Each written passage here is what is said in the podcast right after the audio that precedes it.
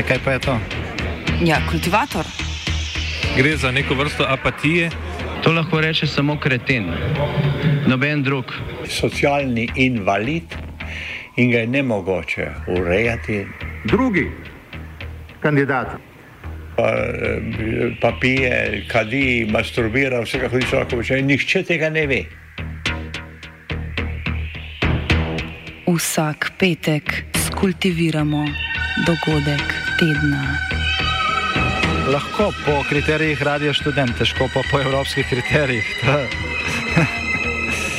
Ampak na drug način, kot vi to mislite. Kultivator vedno užge. da pač nekdo sploh omenja probleme, ki so in da pravzaprav sploh nekdo sproži dogajanje uh, v družbi. To drži, drži.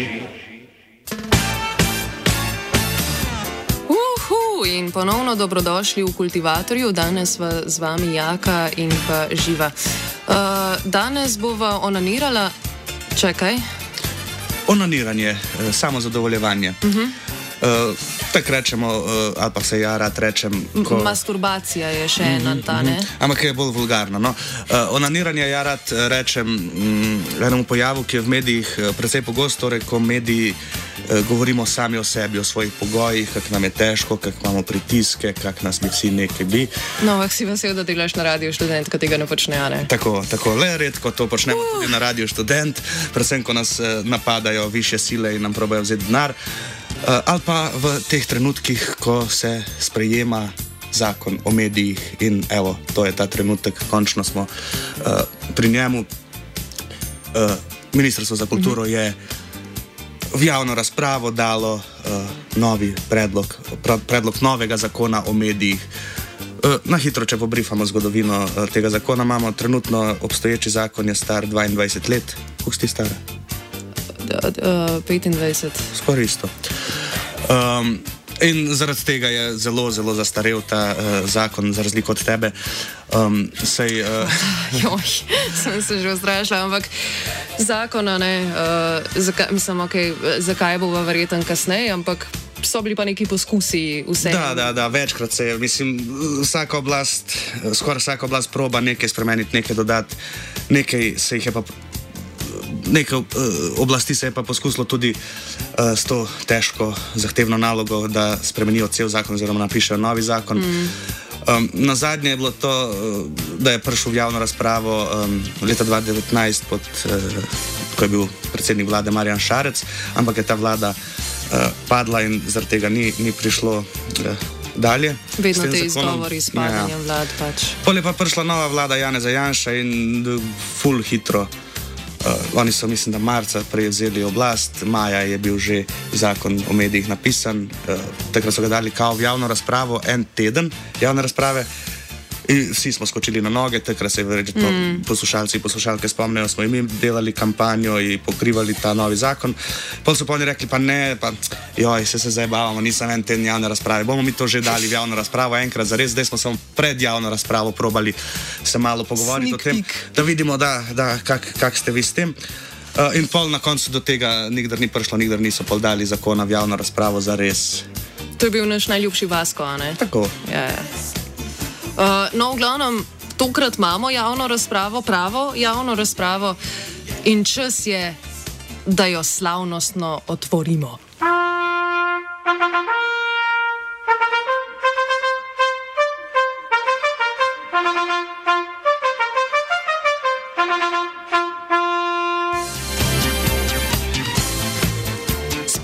Spoštovane poslušalke, cenjeni poslušalci, svečano sporočamo, da je javna razprava o predlogu novega zakona o medijih odprta. Dajte si duška.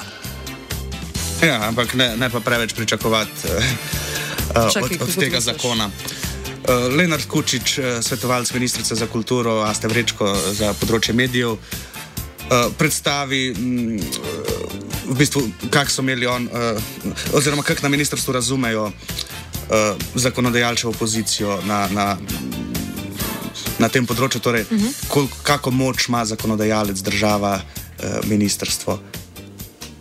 Spet, rahlo idealističen odgovor bi bil, da se vsega tega zelo dobro zavedamo ali pa zavedamo, ampak enostavno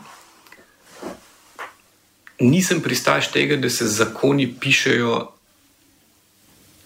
v mislih, mislim, z mislimi na vse možne kršitve in zaobide. Nekje zakoni so vseeno tako sporočilo tega, kako naj bi stvari delovale. Kar pomeni, če daš eno dosti jasno sporočilo, to je pomemben, to so cilji, to so nameni, si kot zakonodajalec pravzaprav rekel, ok, to se spodbuja, to se pa ne dela in to se tudi sankcionira. Mislim, s tem si dal en okvir, pa eno okvirno sporočilo, kaj je bil tvoj namen.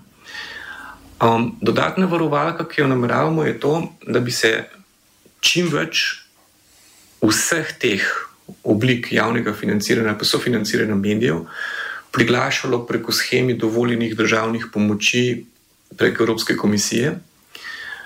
Zaradi tega, ker tam moš pa postaviti od samega začetka zelo jasne cilje, spremljanje teh ciljev, in to so večletne scheme, ki jih enostavno ni mogoče med trajanjem scheme bistveno spremeniti. Ok, pa pojdimo od čistega, v bistvu filozofskega začetka. Če se že pogovarjamo o zakonu o medijih, bi mogoče najprej lahko opredelili, kaj medij sploh je. Tako, podobno so se lotili tudi uh, na ministrstvu, ko so pripravljali ta zakon. Um, trenut, kot rečeno, trenutni zakon je full zastarel in je definicija medijev tam zelo oska, mm. tiče se predvsem uh, radia, televizije in časopisov. Medtem pa smo spoznali ogromno novih oblik medijev, od uh, družbenih omrežij, streaming platform, uh, blogov, podcastov, ono, ni da ni. In, no, um, v, v Kučič bo predstavil, kako so oni definirali um, medije. medije. V naši tradiciji smo ugotovili, da je enostavno je treba izhajati iz definicije še zmeraj, ker je to tako najbolj pogosto vprašanje, kaj je zdaj medij, pa kaj ni. Predvsem zaradi tega, a mene zadeva zakon o medijih ali ne. No, ampak smo že pa pol enkrat pisali definicijo medija, smo rekli, no pa dajmo zdaj za spremembo zajeti malce širše vse skupaj. Kar pomeni, ne samo tisto tradicionalno, da je medij pač podjetje, ki se ukvarja, ki je registrirano za upravljanje medijske dejavnosti, ima pa nekje en status. Ampak smo rekli, in seveda pod eno uredniško, pod enim uredniškim nadzorom zbira in distribuira informacije, namenjene informiranju, zabavi, izobraževanju, tako da je klasična definicija. Pa smo rekli, no, ampak kar smo pa ugotovili pa na teh novih digitalnih platformah, pa digitalnih storitvah, pa pretočnih storitvah, pa vse, da je potem večkrat širše razmišljati, ker smo ugotovili, da se mm, nekdo, ki se hoče izogibati tradicionalni medijski zakonodaji, in to velja tudi za platforme in vse ostale, da se pač zaradi te tradicionalne definicije medija v glavnem uspejo tudi zelo učinkovito skrivati pred regulacijo. Kar pomeni, če pa jaz nisem tukaj v registru, če nimam medijske dejavnosti, pa pa za me nič od tega ne velja. Uh, in tudi en od glavnih problemov danes je to, na kakšen način te velike digitalne platforme regulirati, ker na neki točki se delajo, da so samo platforme, po drugi strani so pa lastniki platform v resnici nova medijska podjetja, so novi informacijski vrtali, pa tudi medijski poslovni model, to je pač. Da ti zbiraš občinstvo in njihov pozornost preprodajaš oglaševalcem, so dejansko vzeli ta isti poslovni model. Skratka, niso ga razvili, ampak so ga samo prevzeli od tega, kar je bilo včasih v medijih. Zato sem pa rekel, no, ampak Dajmo mi širše pogledati, kaj je danes ta medijska dejavnost. Smo rekli, ok, damo tradicionalno, pač medije, medije. Ne? Pa smo pa rekli, da pa za medijsko dejavnost je pa danes mogoče opredeliti tudi vse tiste dejavnosti, kjer gre za eno organizirano, sistematično nagovarjanje splošnega občinstva, kar pomeni, ni to zasebna komunikacija med prijatelji ali pa člani skupnosti ali pa društva, ampak recimo prav sistematično nagovarjanje in zbiranje občinstva in njihove pozornosti z namenom monetizacije. To smo dodali, in pa z namenom vpliva na javno mnenje. Torej, eh, ministrstvo predlogom, v predlogu novega zakona poskuša s širitvijo definicije medijev eh, omejiti eh, izmikanje medijskemu zakonu. Se pravi, da na eni strani imamo subjekte, ki upravljajo medijsko dejavnost, a se ne bi radi bi mm. držali zakona in omejitev. Uh, in niso v evidenci zapisani kot tako, medijski. Uh, tako v, v razvidu medijev. Na drugi strani imamo pa subjekte, ki se ukvarjajo z ekonomsko ali politično propagando. Uh, in poskušajo uveljavljati pravice, ki pritičejo medijem, ne? recimo to, da uh, postavljaš novinarska vprašanja, da, do, da so ti javne institucije dolžne odgovoriti v takem in takem mm -hmm. roku, to in to. Um, ampak uh, ti si omenila zdaj ta razvit medijev, uh, ki obstaja. Ampak Kučič pojasni, da je že ta razvid problematičen, ker nikoli ni veljal kot neko zavezujoče, zavezujoč seznam medijev, ampak bolj kot informativni seznam medijev. Spravi, ne, Kot nek pregled, ne pa kot eh, tako, dejanska evidenca. Tako. Da, mislim, ni, ni odločilo to, če si ti na razvidu medijev, uh, ali ta zakon za tebe velja ali ne, čeprav v praksi uh, se pa je tako uporabljalo zakon. Mm. Uh, spravi, je bil en uh, list papirja, ki je dosti nepomemben, spravi ta seznam, ampak ga je uh, država uh, kot ključnega razumela.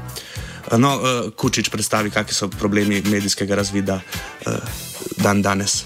Sloveniji se je vzpostavila ena problematična praksa, ker je še iz prejšnje zakonodaje ostal ta nesrečen medijski razvid.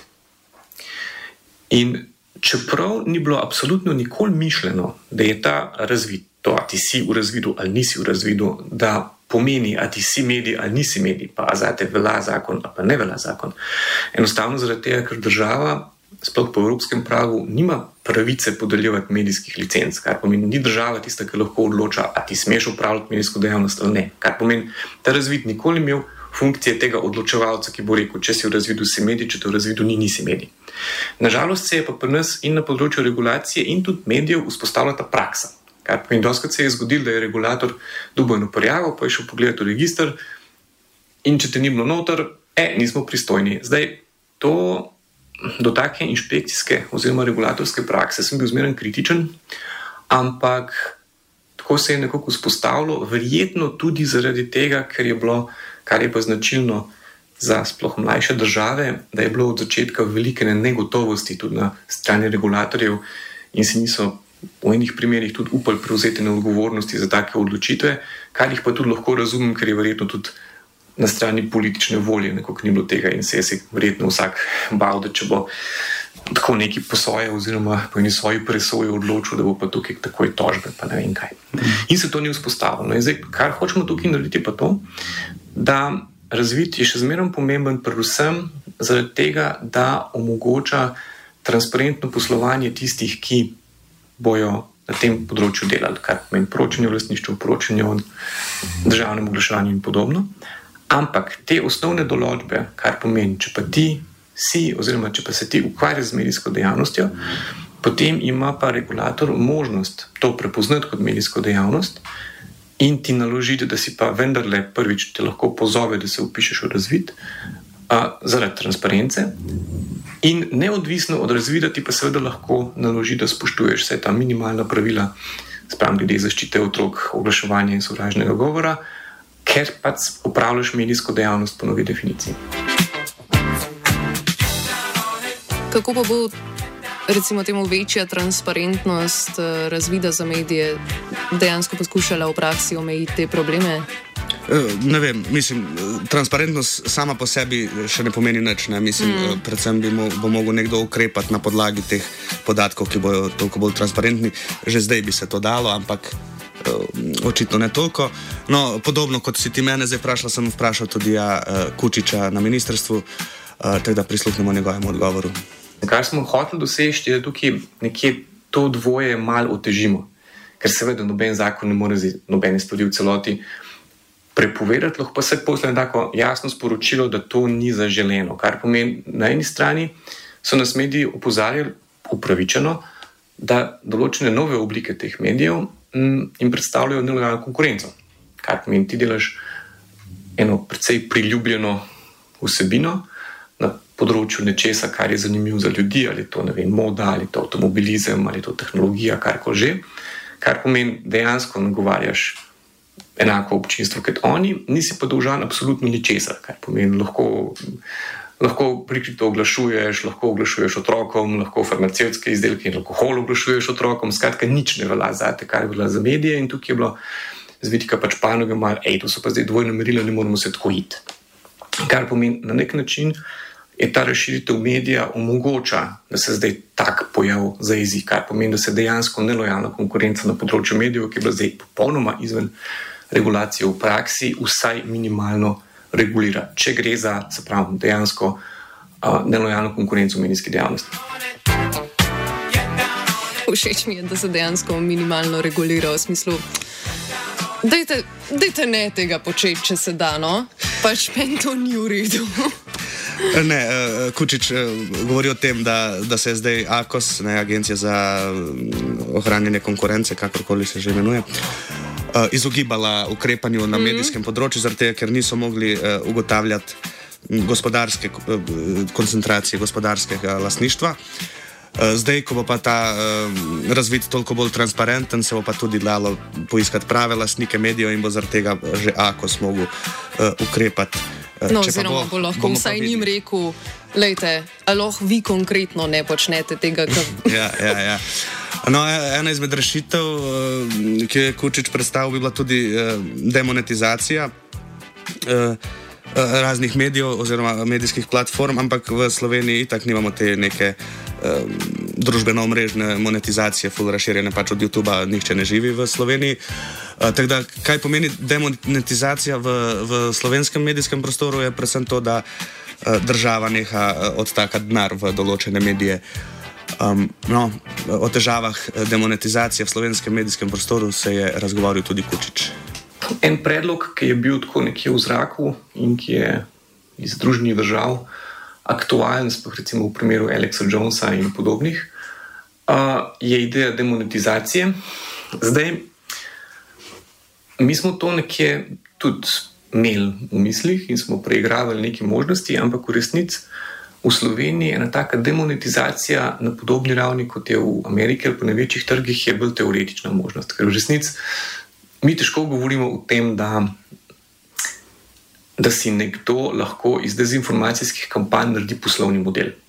Ker enostavno vemo, kakšno je stanje spletnega oglaševanja in vsega, in mislim, da boš ti ne vem, koliko zaslužil s tem, da recimo, na ta način loviš klike, kar se je recimo zgodilo v tem stavnem primeru Velesa, pa še česa, je mal verjeten. In v resnici je pri nas demonetizacija, oziroma pri nas je pa podobno kot na mačarskem, pa na polskem kjer velika večina politične propagande dejansko temelji na neposrednem ali pa posrednem državnem oglaševanju. Recimo na mačarskem imaš ti čiste tabloide, ki jih recimo 100% financirajo z državnimi oglasi. In zdaj, kaj bi za tak tabloid pomenila demonetizacija? Pač ne pritisk na oglaševalce, pa pritisk na, vem, na kupce, ampak dejansko ga lahko demonetiziraš edino tako, da pač državi, ki to seveda namenoma dela, na ta način usmerja denar in omogoča to delovanje. Tako da smo rekli, na nek način demonetizacija um, bi bila pri nas možna, predvsem skozi bistveno večjo transparenco in tudi pogoji, pod katerimi lahko država v medijih uh, oglašuje ali pa zganja kampanje ali jih pa podpira. In eno od stvari, recimo, ki smo. V duhu tega, kako bi se zmanjšala možnost zlorabe tega medijskega prostora, je to, da bo kakršno koli državno porabo v medijih, zdaj po novem zakonu, transparentna. Uh, in pa, kar je tudi pomembno, da bo zavezana, kako se bo to dal. Uresničevanju javnega interesa na področju medijev. Kar pomeni, kar lahko narediš, je to, da vsaj državi zapoveš, da je transparentna in da denar, ki gre v medije, zlasti v zasebne, da je vsaj v čim večji meri odgovoren. Okay, mislim, da smo zatekli bistvo, da smo dejansko ugotovili, koga se predlog novega zakona o medijih dejansko loteva in na kak način ga zadeva. Ja, približno. No.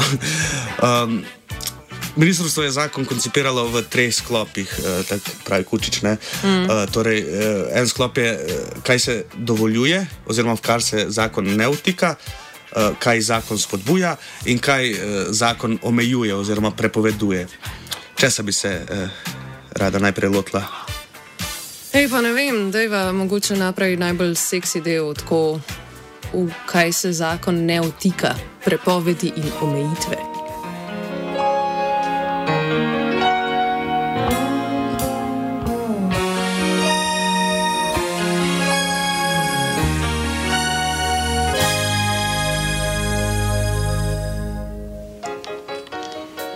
Dobro spravi, če gremo prvo omejitve in prepovedi, je treba najprej poudariti, da se predlog zakona ne ukvarja z omejevanjem vsebine medijskih izdelkov. Spravi, zakonodajalec se čuti, da bi bilo to prevelik poseg v avtonomijo medijev, če bi predvidevali, kakšna vsebina bo in ne bo zaželjena pri medijih. -huh. Če že predvideva, tako je bilo v prejšnji izjavi, ne spravi z regulacijo teh državnih spodbud in državnega denarja, spravi, da ne bi unim medijem, ki imajo sporne vsebine, recimo, da ne bi dobivali toliko denara.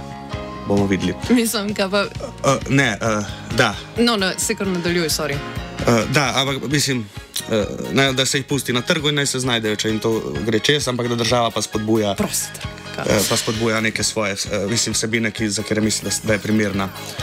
Uh, no, uh, Kučič. Ja, sorry, sem to sem hotel omeniti, da pač mnenjske vsebine so vse vsebine določenih medijev. In me zanima tako. Kakšno mnenje, kakšna svoboda govora? Ne, gre se predvsem, se... Za, predvsem za vem, lažne novice, za zavajanje, za sovražni govor in to, da se tega naj bi financiralo. Se pravi, recimo, če ne vem, nek migrant posilni nekoga in jaz to naprintam, recimo, da je tiskane, je to v redu. Ampak, če pa jaz napišem recimo neko kolumno, kjer govorim, da so migranti slabi ljudje, je pa spet v redu, ker ni zares sovražni govor. Mislim, je. Ne vem. ne vem, to bi treba uh, dalje vprašati, ampak verjetno, uh, kak jaz sklepam, ne bi dobila uh, državne subvencije uh, ali pa državnega oglaševanja na ta način, ker bi zakon uh, to ker, bo, ker za, predlog zakona to onemogoča, mm. ne sprejema neke smernice, na kak način se določa, komu gre uh, denar. Mm. No, najprej, najprej si pogledamo, kako uh, Kučič uh, in ministrstvo razumejo vlogo države pri, pri medijskih vsebinah, uh, precej pasivno. No. Ker recimo, absolutno mi zagovarjamo, da bi šli v čim bolj vsebinsko neutralne oblike uh, pomoči kar pomeni uh, posod, ki smo se pogovarjali na Danskem, na Finskem, uh, na Nizozemskem, v Avstriji. Posod je nekaj popolnoma samoumevnega, da država ne presoja vsebine. Kar pomeni, da uh, tukaj gre, ampak se poskuša zanašati na to, da recimo, če, če si imeli, če imaš to klasnih vsebin, če imaš svoje novinarje, če imaš to zaposlenih, če imaš to dosega, če imaš to, no, pač padeš noter. S tem, da je tam tudi tako dost. Tam recimo tudi se noben ne pregovarja, kaj je zdaj medij, pa kaj je novinar, zaradi tega, ker se nekoga zaupa tistim, ki so na medijskem bordu, da to vejo. Mislim, da delajo teh kvazi medijev toliko kot mi. Mislim pa tudi, če jih imajo enostavno, ne padajo v to. Recimo pri njih je zadeva dosta enostavna in tudi te logiki smo mi nekako sledili. Da pač kar lahko ti kot država narediš, je ja, mislim, kot država zagovarjam absolutno čim bolj, kako bi rekel, mislim, liberalni, ni to pravi beseda, ampak tudi kot nekdo, ki veliko časa dela v novinarstvu, jaz res nočem, da je država tista, ki medijem in novinarjem razlaga, kaj je novinarstvo, pa kaj so mediji. Pač to ni vloga države. Mislim, vloga države je, da nekje poskrbi za okolje, v katerem jaz lahko svojo novinarsko dejavnost izvajam. Kar pomeni, da me zavarujejo pred tožbami, da mi dajo osnovne, mislim, tako, da, mi, da mi omogoči na nek način delo. Ne pa da mi določa, o čem in kako in na kaj in tole napišem. Mislim, to je pač res stvar in profesionalnih kriterijev, kodeksov in podobno, pač to ni vloga države. Ampak, in tukaj me lahko, mislim, tukaj je edin prav, da me pusti čim bolj primir, da me res bolj ščiti, kot pa da mi, da mi kaj nalaga. E, tako smo rekli, da zakon se ne ukvarja toliko z vsebinskim omejevanjem e, medijskega dela, ampak predvsem e, nas probojajo omejevati na strukturni ravni. Namreč omejiti želijo predvsem koncentracijo medijskega lastništva. Uh, sicer uh, lastništva, uh, koncentracija lastništva torej to pomeni, da ima nek človek ali pa neka družba vlasti en velik koncern mm. različnih medijev. Uh, ne, in, in to neko, kako se bi reklo, horizontalno koncentracijo proba zakon omejiti. Eh, predvsem s transparentnostjo, kot smo že parkrat povedali. Po drugi strani pa predlog zakona omogoča uh, vertikalno koncentracijo, ki je bila do zdaj prepovedana, torej, uh, da lahko si izdajatelj in televizije in radia, ker um, mislijo, da je to koristno za razvoj digitalnih platform in podobno. Okay. Uh, no, uh, Kučič opiše, kako je stanje na medijskem področju. v danem trenutku uh, na področju koncentracije lastništva, se pravi, kako je z uh, lastniki medijev.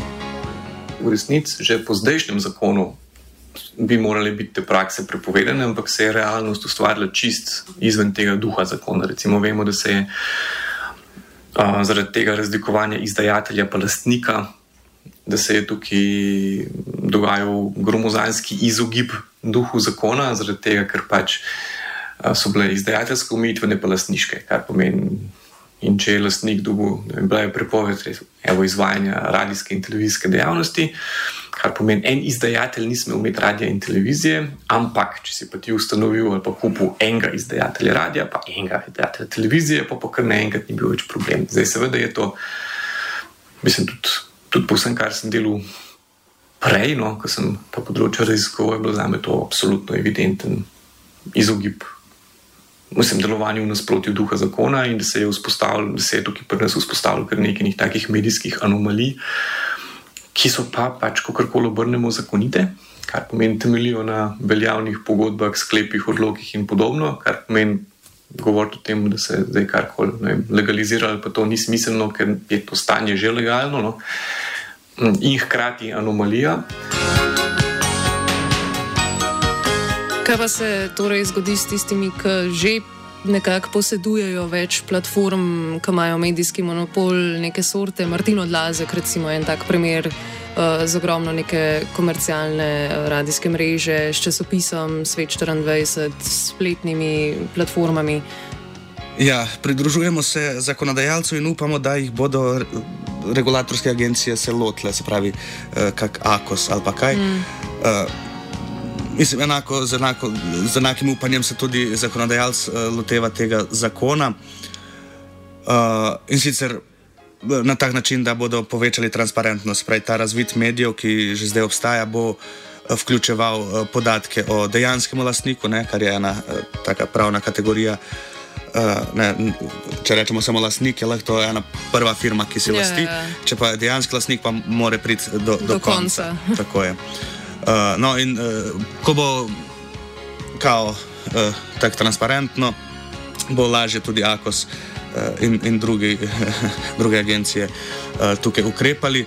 Uh, sicer pa gre um, za te mehanizme, uh, torej, ki jih prepis, predpisuje Evropski akt o svobodi medijev. Um, komisija Evropska ga je predlagala lani, ampak niso je še sprejeli na evropski ravni, zdaj se trenutno komisija pogaja z državami članicami.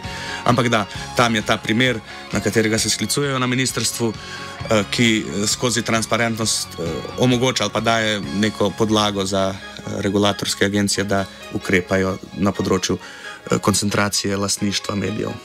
In um, ena stvar, ki je seveda zelo problematična, je to, da mi živimo na enem medijskem trgu, o katerem po eni strani vsi vse vemo, papirnata realnost, tista, ki je pa tudi podlaga za regulatorne ukrepe, je pa fiktivna.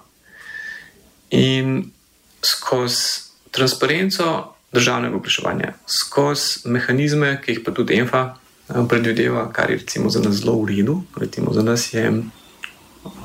Ta Evropski akt o svobodi medijev sicer je problematičen na nekih drugih ravneh, ampak konkretno za države kot je naša, oziroma za medijski prostor kot je naš, pa daje en par takih zelo pomembnih mehanizmov, ki jih do zdaj ni bilo in se bojo mogli vzpostaviti. Ena stvar je, jih na področju koncentracije, da ENFA zahteva od držav članic, da uvedejo postopke za presojo medijske koncentracije.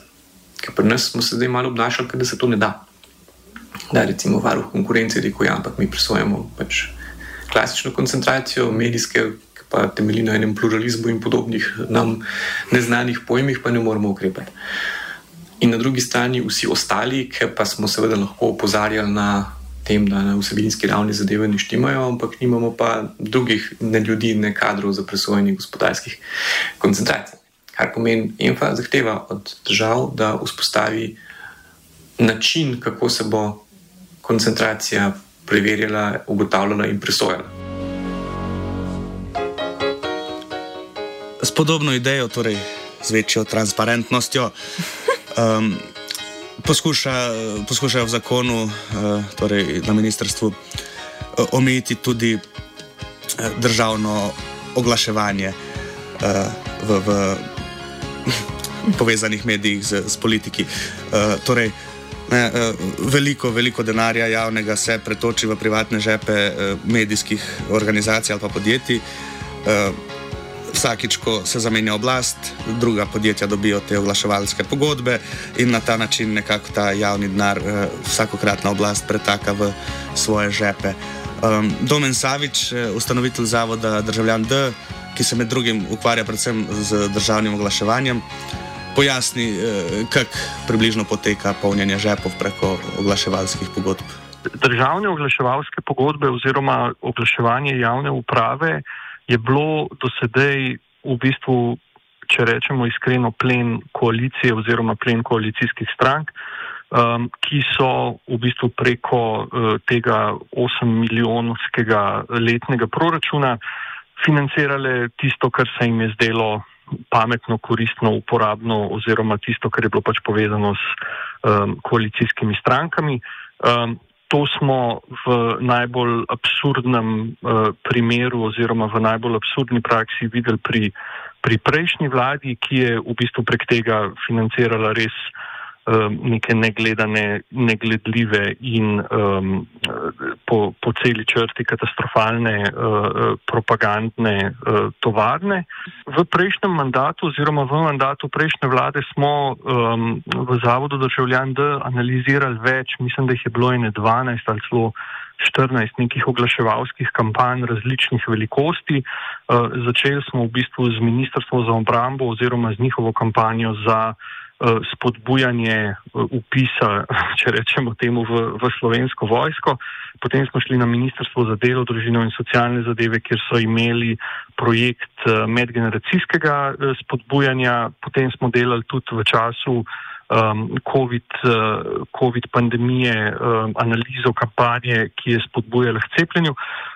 Bilo je zelo veliko kampanj, kot že rečeno, različnega dometa oziroma različnega um, denarnega obsega, ampak pri vseh je šlo v bistvu za nek um, res preprost mehanizem, um, kjer imate na eni strani um, medijske oziroma registrirane, registrirane medijska podjetja, ki so na drugi strani na tak ali pa drugačen način povezana z določeno, uh, z določeno um, politično stranko in potem ministri oziroma potem ministrstva s pomočjo agencije um, njim oziroma tem medijem zakupujejo oglasni prostor pod nekimi, bom rekel, bizarnimi oziroma uh, tržno zelo nesmotrnimi pogoji.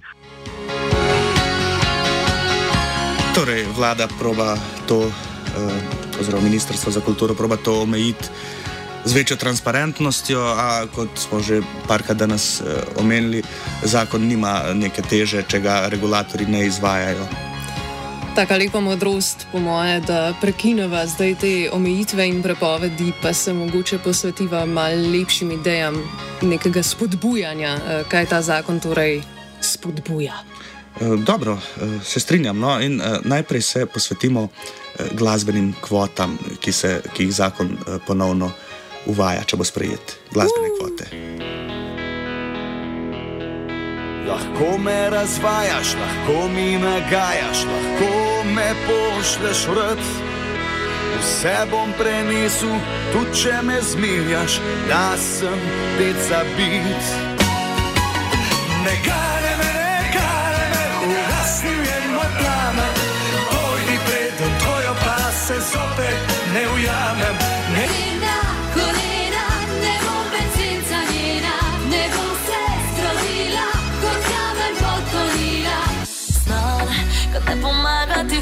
Ti filozofiranje. Pusti naj zgodi se, kak trpej.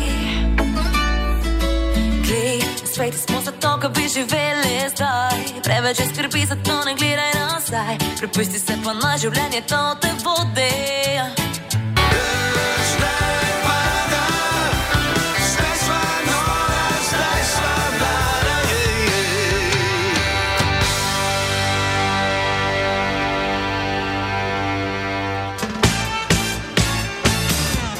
Kvote za slovensko estrado, mislim, da smo ravno kar izpolnili ne samo za preteklo oziroma leto odhajanja, ampak za 2024 tudi, po moje.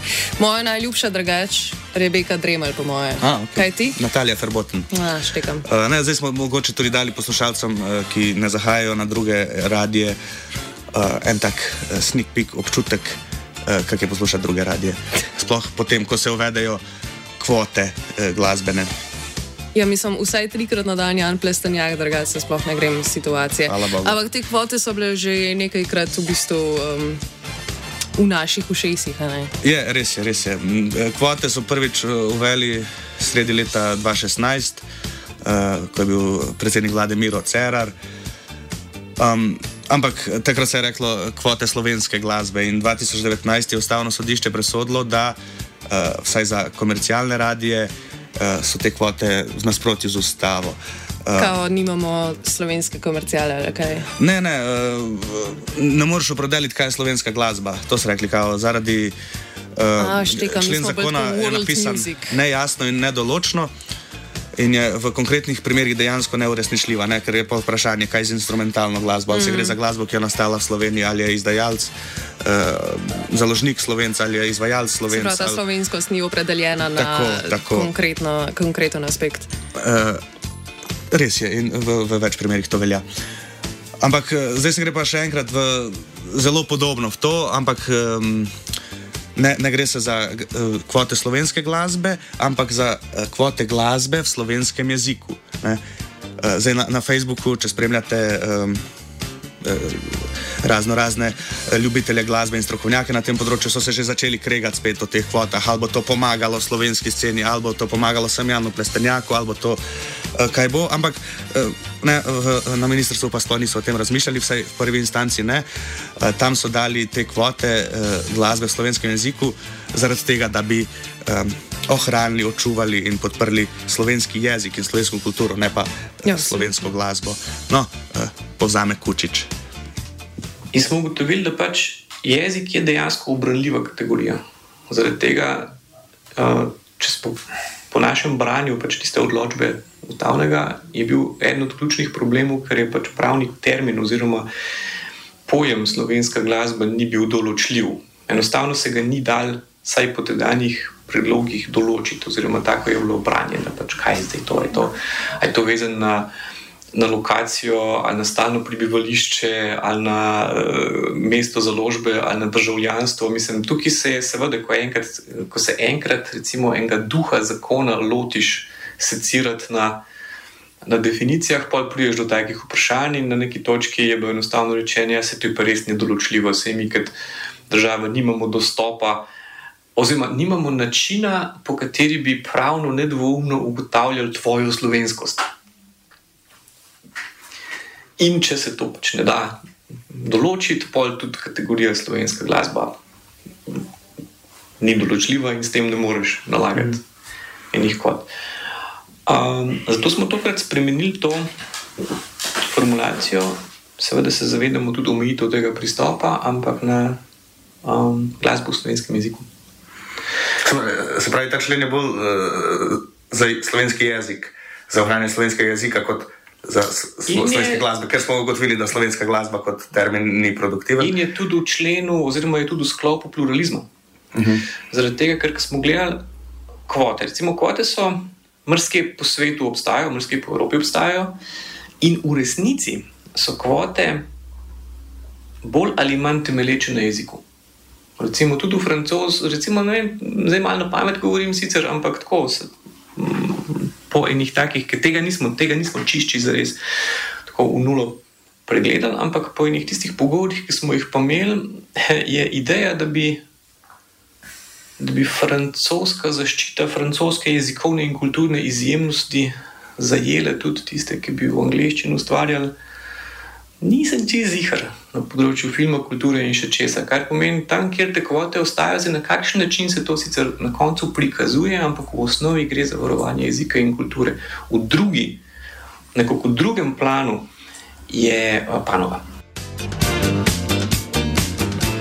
Ok, sam mislim, da bi v bistvu ta uh, tretji medijski sektor ki ni niti privaten, niti javen, moral tudi izobraževati. Tako da, let me ask you, ne, eh, da ne bova samo slovenščini, let me ask you. What will happen to us? What is it going to happen? How will this zakon uh, obravnaval us? Ja, najprej se ministrstvo ne bi strinjalo s tvojo opredelitvijo našega statusa. Ne? O, um, oni eh, razumejo. Um, But why? oni razumejo slovensko medijsko krajino kot da obstajajo samo dve vrste medijev, uh, javni in zasebni. Uh, pojasni uh, Kučič. Jaz to klasifikacijo mečkam drugače vidim mm -hmm. in sicer rečeva, da imaš javne, mislim, jaz to vidim tako, javni, zasebni, pa imaš pa javni, so nekje bolj državni, nek bolj javni, medtem ko zasebni so pa zame vse to. Zasebni profitni, zasebni neprofitni, zasebni, mislim, tako, konc koncev, ker vi ste zasebni mediji. Obstaja pa velika razlika med nami kot zasebnim medijem in pa recimo. Seveda, ampak to je ta delitev znotraj zasebnih. In tukaj recimo pa seveda smiselno, da se pač vprašamo, da ja, seveda znotraj zasebnih pa imaš popolnoma pridobitne medije, pa pol različne oblike nepridobitnih medijev. Tako da ne, ne, ta razlika seveda.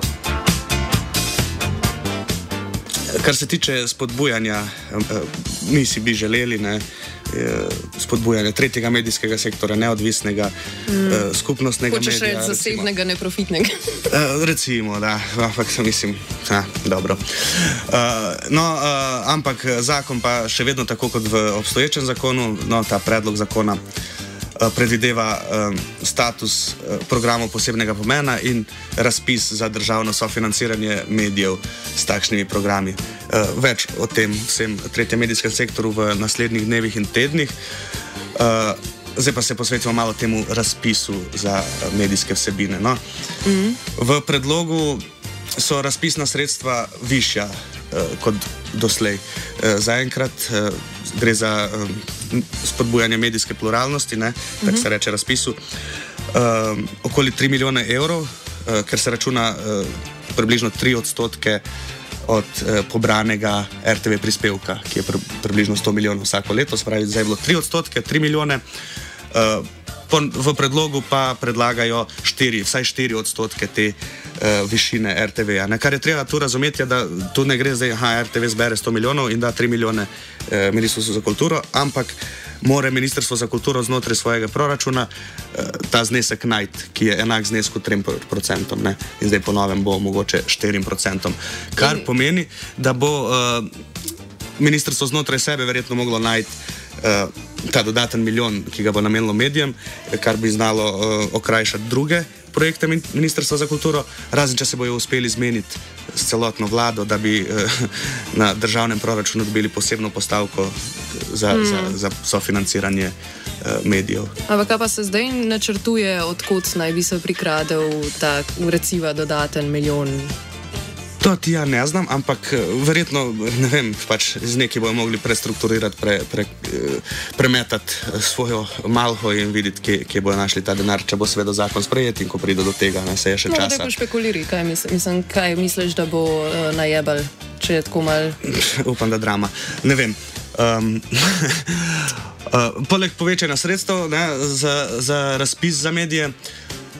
S posebnim pomenom, oziroma za programe posebnega pomena, predlog zakona novi uveljavlja schemo državnih podpor. Ne? In znotraj zdaj imamo samo financiranje pluralizacije ne? uh -huh. prek tega razpisa, o katerem se pogovarjamo, zdaj pa ta razpis del ene večje scheme, ki bo um, se raztezala čez različna ministrstva in bojo lahko uh, te medije financirali tudi za kaj drugega kot vsebino.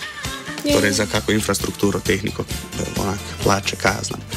Uh, no, uh, spremembe glede eh, razpisa in uveljavljanja schem predstavi Kučič. Ta razpis prvič predvidoma ga bomo povečali. In drugič, ne bo več vezan, ker prej je bilo res samo to v zakonu, da si lahko denar porabil izključno za sofinanciranje vsebin. Zdaj smo pa tukaj odprli in smo dali pravno podlago za vse, po našem mnenju, smiselne oblike državnih pomoči medijem, ki so se v EU v zadnjih desetih letih razvile kar pomeni, da v konkretnih ukrepih to bo treba še popraviti. Recimo znotraj Ministrstva za kulturo, mi lahko seveda, kar je v čisto v naših rokah, je na kakšen način bomo ta naš razpis zastavili. To je pri nas. Ampak hkrati pa ta ti pogoji za podeljevanje državnih pomoči dajo tudi državi možnost večjih schem, skupaj z drugimi ministrstvi, za bolj konkretno pomoč tudi panogi, ker tukaj moramo nekaj ločiti. Na kulturnem ministrstvu smo res omejeni s tem, da lahko v medijih interveniramo zgolj na podlagi brkne, uh, spodbujanja in zaščite pluralizma. Kar pomeni, mi ne moramo panoge reševati. In včasih, ki je bil ta zakon pač pripravljen, je bilo to smiselno, zaradi tega, ker je bila medijska panoga v zelo dobri kondiciji. Recimo, in tiskani mediji, in drugi mediji so bili zelo donosni. In tukaj se res lahko rekel, mi z enim takim razmeroma mehkim razpisom interveniramo tam, da rečemo temu, podpremo določene deficitarne vsebine, kar pomeni nekaj, kar trg ne bi samo od sebe naredil. In na kulturnem ministrstvu je ta razpis še zmeraj, predvsem, korektiv na področju pluralizma. Ni to namenjen reševanju panoge, spodbudi panoge, delovanju panoge, ki je pa zdaj, za razliko od pred 20 leti, dejansko ogrožena. Kar pomeni, tukaj se ne pogovarjamo, recimo, zato pa je tiskani mediji, naprimer, jim nič ne pomaga ukrep za spodbujanje pluralizma, ker ne vejo, če bojo preživeli. Ampak to pa ni več stvar kulturnega ministrstva kot takega, ampak je stvar širše državne politike na področju medijev in ta zakon zdaj omogoča pripravo tudi večjih schem, ki pa so po zgledu kakšnih drugih subvencij v gospodarstvu možne zdaj tudi za medijska podjetja spet debata, uh, kao o tiskanih medijih, ali bodo preživeli, ali bomo spet pisali na papirus, ali bomo imeli klinopis, ne bomo, ali se bomo naprej razvijali. V glavnem, malo uh, moramo skrajšati, je moj point s tem, da sem malo podaljšala. To naniranje se kar malo vleče, če veš, kaj mislim. Uh, javna razprava traja do nekje sredine januarja. Tako da mislim, da boste lahko s svojimi temi APR tovariši, kolegi, uh, brati, burazi, komentirali, pripominjali, pametnja, mislim, um, raziskovali in analizirali še kar nekaj časa. No? Tako da, dej, mogoče, če bi za zaključek, tako veš, tako kot v osnovni šoli, tako, kako pa si se imel, kaj si. Zdaj ta zakon razumel. Vprašanje, če sem ga razumel. Ja. Bom, bom prvo, če hitrejše. Nameni so lepi, nekatere ideje so dobre. Uh, sicer, uh, po mojem okusu, uh, tretji medijski sektor ni uh, dovolj definiran in uh, zaščiten uh, z zakonom. Uh, predvsem pa se kaže, da uh, zakonodajalec uh, sam sebe vidi kot brezzobega tigra. Po eni strani pripravljajo zakon, a se hkrati zavedajo, da besedilo samo po sebi ne bo ničesar spremenilo, zato upajo na dvig uh, politične kulture in uh, ukrepanje regulatorskih agencij, ki do zdaj niso ukrepale da si hitro. Malo si, malo si bil tako. No. Vsekakor sva predlog novega zakona o medijih kultivirala Virant in pa živa tehniciral pa je Bubi. Mi pa se slišimo prihodnji teden.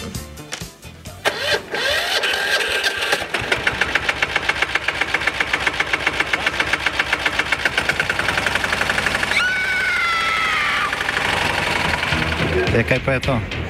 Ja, kultivator gre za neko vrsto apatije. To lahko reče samo kreten, noben drug. Socialni invalid in ga je ne mogoče urejati. Drugi kandidat. Pa, pa pije, kadi, masturbira, vse kako ti lahko reče, nihče tega ne ve. Vsak petek skultiviramo dogodek tedna lahko po kriterijih radio študent, težko pa po evropskih kriterijih. Ampak na drug način, kot vi to mislite. Kultivator vedno užge.